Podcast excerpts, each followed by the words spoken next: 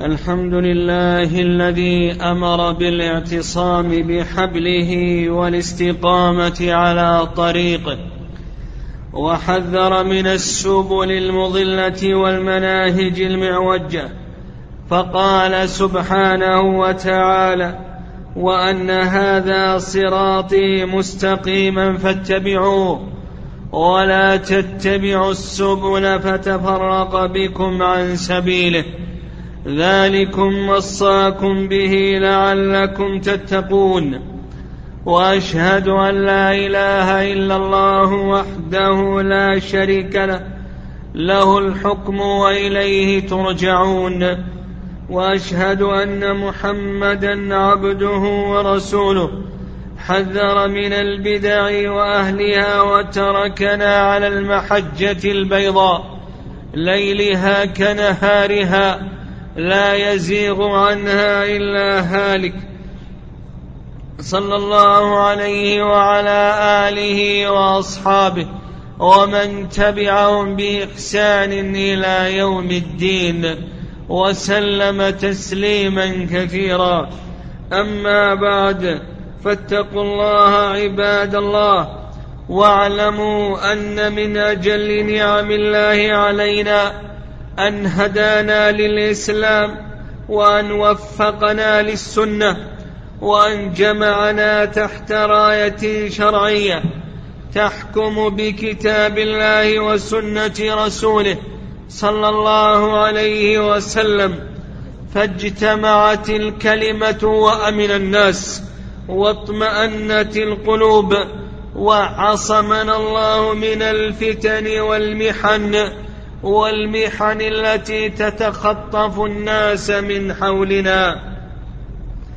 وما نحن فيه من نعمة فبفضل الله وحده ثم ما قامت به هذه البلاد من نصر التوحيد وحماية السنة والقضاء على مظاهر الشرك والوثنية ورد البدع وقمعها. وآفة النعم الكفر بها وجحودها ومن كفر النعم عباد الله إعانة المعتدين الذين يخرجون على الجماعة ويشذون عنها. عباد الله لقد صدر بيان من هيئة كبار العلماء بتحريم تمويل المعتدين والإرهابيين وفيما يأتي نص قرار الهيئة. الحمد لله رب العالمين وصلى الله وسلم على نبينا محمد وعلى آله وصحبه أجمعين. وبعد فإن هيئة كبار العلماء في جلستها العشرين الاستثنائية المنعقدة في مدينة الرياض بتاريخ تشير إلى ما صدر عنها من قرارات وبيانات فيما يقوم به المفسدون في الأرض بما يزعزع الأمن بما يزعزع الأمن ويهتك الحرمات ويهتك الحرمات في البلاد الإسلامية وغيرها. وقد نظرت الهيئة في حكم تمويل الإرهاب باعتبار أن الإرهاب جريمة تستهدف الإفساد بزعزعة الأمن والجناية على الأنفس والأموال والممتلكات والممتلكات الخاصة والعامة كنسف المساكن والمدارس والمستشفيات والمصانع والجسور ونسف الطائرات أو خطفها أو الموارد العامة للدولة كأنابيب النفط والغاز ونحو ذلك من أعمال الإفساد والتخريب المحرم شرعا وأن تمويل الإرهاب إعانة عليه والسبب في بقائه وانتشاره كما نظرت هيئة كبار العلماء في أدلة في أدلة تحريم تمويل الإرهاب من الكتاب والسنة وقواعد الشريعة ومن القواعد المقررة في الشريعة الإسلامية أن للوسائل حكم الغايات ولما جاء في الشريعة من الأمر بحفظ الحقوق والعهود في البلاد الإسلامية وغيرها. لذلك كله فإن هيئة كبار العلماء تقرر أن تمويل الإرهاب أو الشروع فيه محرم وجريمة معاقب عليها شرعا سواء بتوفير الأموال أم جمعها أم المشاركة في ذلك. في أي وسيلة كانت وسواء كانت الأصول المالية وسواء كانت الأصول مالية أم غير مالية وسواء كانت مصادر الأموال مشروعة أم غير مشروعة. فمن قام بهذه الجريمة عالما فقد ارتكب أمرا محرما. ووقع في الجرم المستحق للعقوبة الشرعية بحسب النظر القضائي. وتؤكد هيئة كبار العلماء أن تحريم تمويل الإرهاب لا يتناول دعم السبل, دعم السبل الخير التي تعنى بالفقراء في معيشتهم وعلاجهم وتعليمهم. لأن ذلك مما شرعه الله في أموال الأغنياء حقا للفقراء. وإن هيئة كبار العلماء إذ تقرر هذا فإنها توصي المسلمين جميعا بالتمسك بالدين وهدي نبينا الكريم صلى الله عليه وسلم والكف عن كل عمل من شأنه الإضرار بالناس والتعدي عليهم ونسأل الله عز وجل لهذه البلاد وعموم بلاد المسلمين الخير والصلاح والحفظ وجمع الكلمة وأن يصلح حال البشرية أجمعين بما يحقق العدل وينشر الفضل. والله الموفق والهادي إلى سواء السبيل. عباد الله من فضل الله على عباده أن رضي لهم الإسلام دينا وجعل رسالته الأخيرة الخالدة إلى يوم القيامة. وشرع فيه كل ما فيه وشرع فيه كل ما فيه نفع وصلاح لهم في دنياهم وأخراهم ونهاهم وحذرهم. عن كل ما يفسد دين دينهم وحرم عليهم الظلم والعدوان فيما بينهم وحفظ المجتمع وحفظ المجتمع من الخلل والفساد والبغي والاعتداء. وحمى الضروريات الخمس النفس والعقل والعرض والنسب والدين والمال. وصانها من أي بغي واعتداء.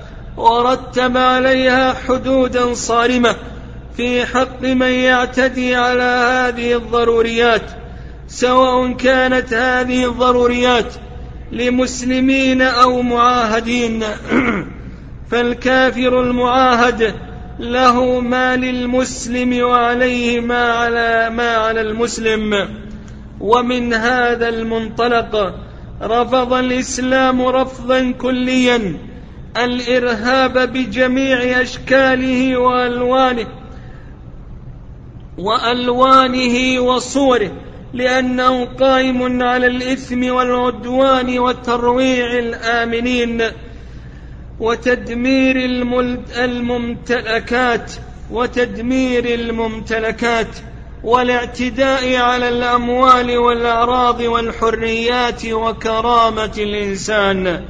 ولأنه اعتداء موجه ضد الأبرياء المعصومين من الرجال والنساء والأطفال أو تهديد بهذا الاعتداء أو أية وسيلة أخرى من وسائل الإزعاج والاعتداء أو إخلال وسلب بأمن, بأمن المجتمع وطمأنينته.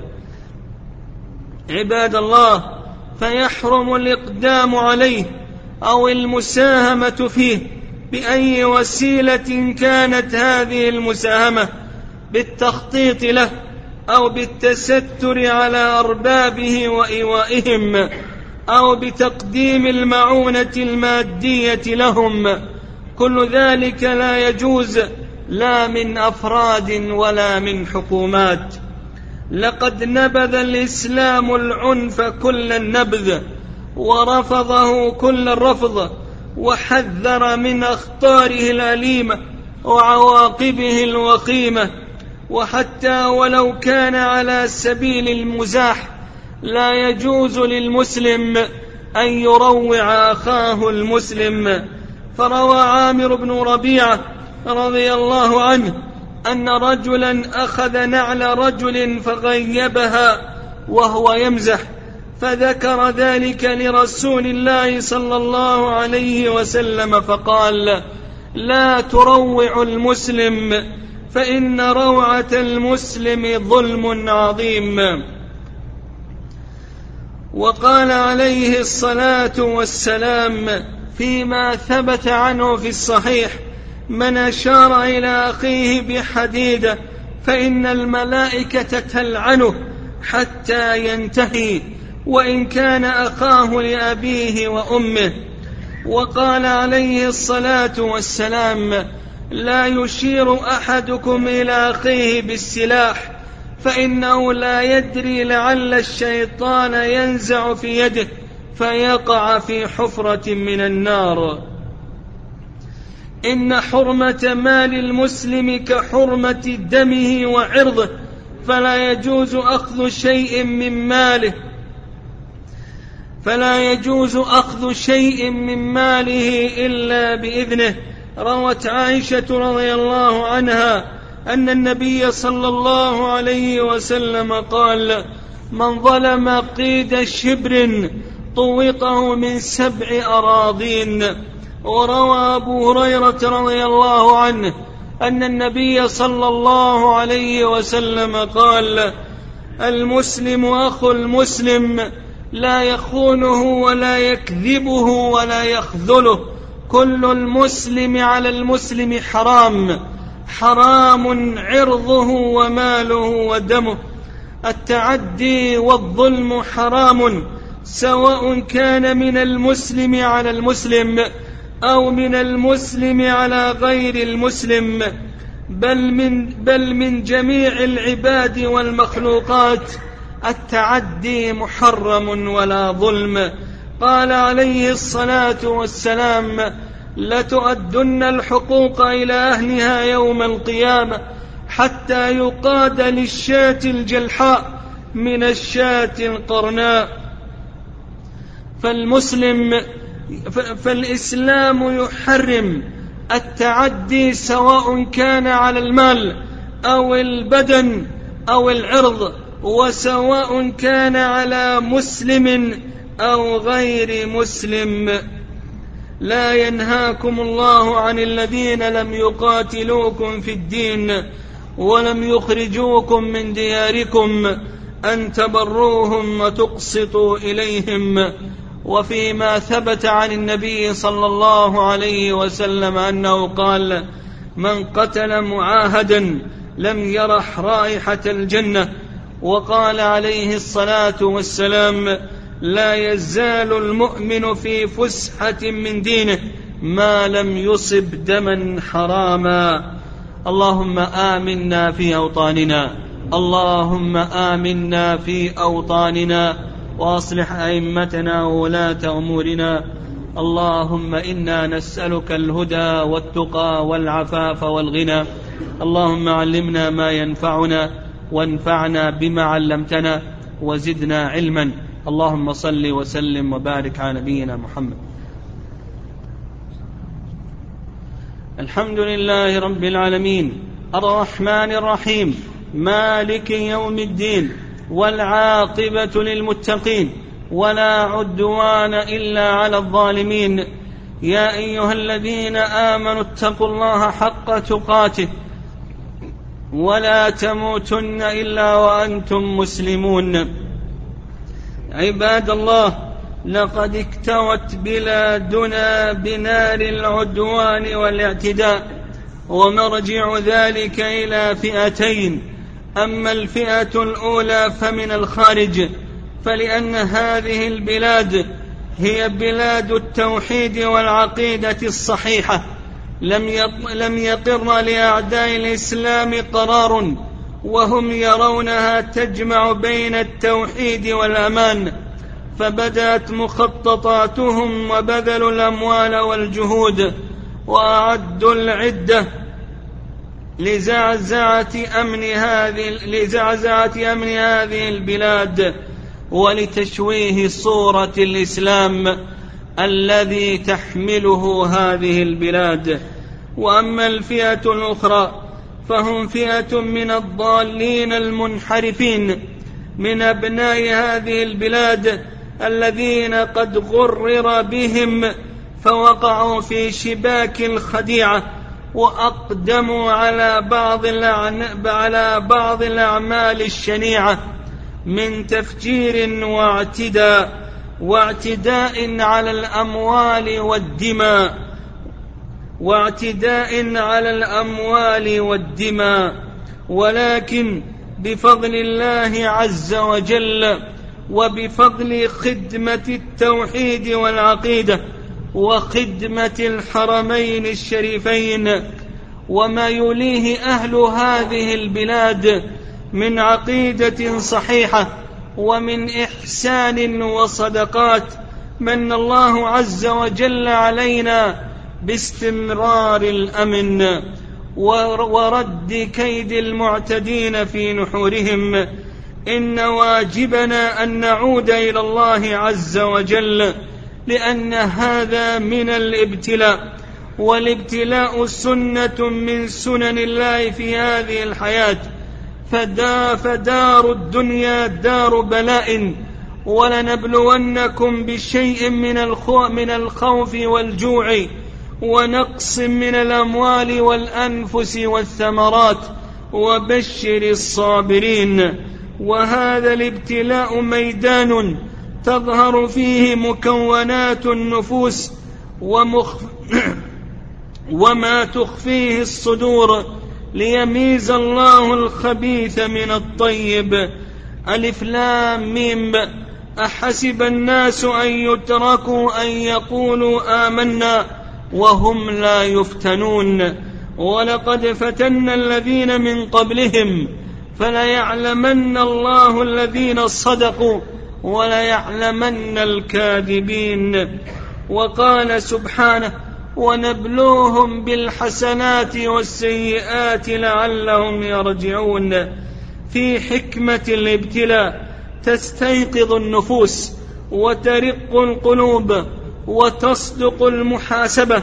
في ساعات الابتلاء يتجلى الثبات في الشديد من اللحظات وسط صرخات اليائسين وتبرم الشاكين وقلق المشتكين. فلما تراءى الجمعان قال أصحاب موسى إنا لمدركون. قال كلا إن معي ربي سيهدين. إن الاستقامة إن الاستقامة على الحق.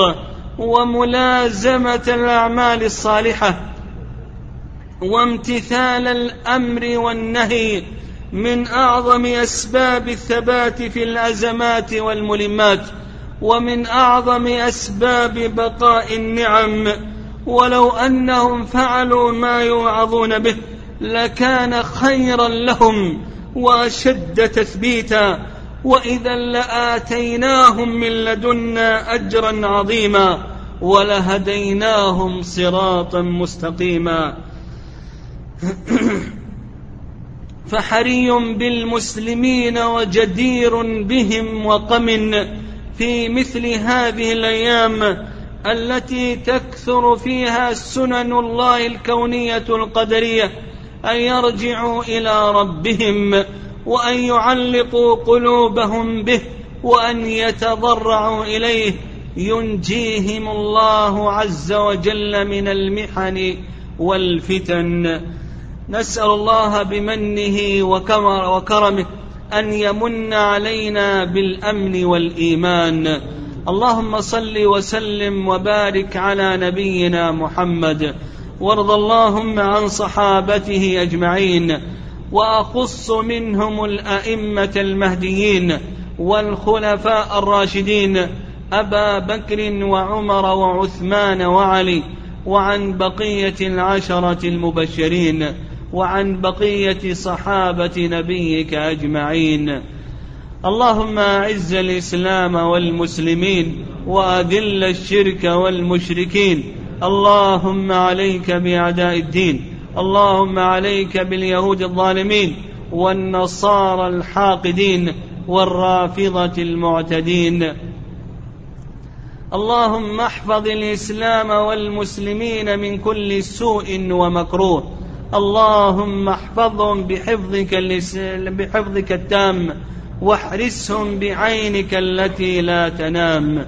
اللهم فرج كرب المكروبين. ونفس عسرة المعسرين واقض الدين عن المدينين. اللهم اشف مرضى المسلمين. اللهم اشف مرضى المسلمين. اللهم اجعل ما أصابهم كفارة لسيئاتهم ورفعة لدرجاتهم. برحمتك يا أرحم الراحمين. اللهم اغفر لموتى المسلمين. اللهم اغفر لهم وارحمهم. وعافهم واعف عنهم. وأكرم نزلهم ووسع مدخلهم واغسلهم بالماء والثلج والبرد ونقهم من الذنوب والخطايا كما ينقى الثوب الأبيض من الدنس. اللهم اغفر لنا وارحمنا وعافنا واعف عنا. ربنا لا تؤاخذنا إن نسينا أو أخطأنا. ربنا ولا تحمل علينا إصرا. كما حملته على الذين من قبلنا. ربنا ولا تحملنا ما لا طاقة لنا به. واعف عنا واغفر لنا وارحمنا. أنت مولانا فانصرنا على القوم الكافرين.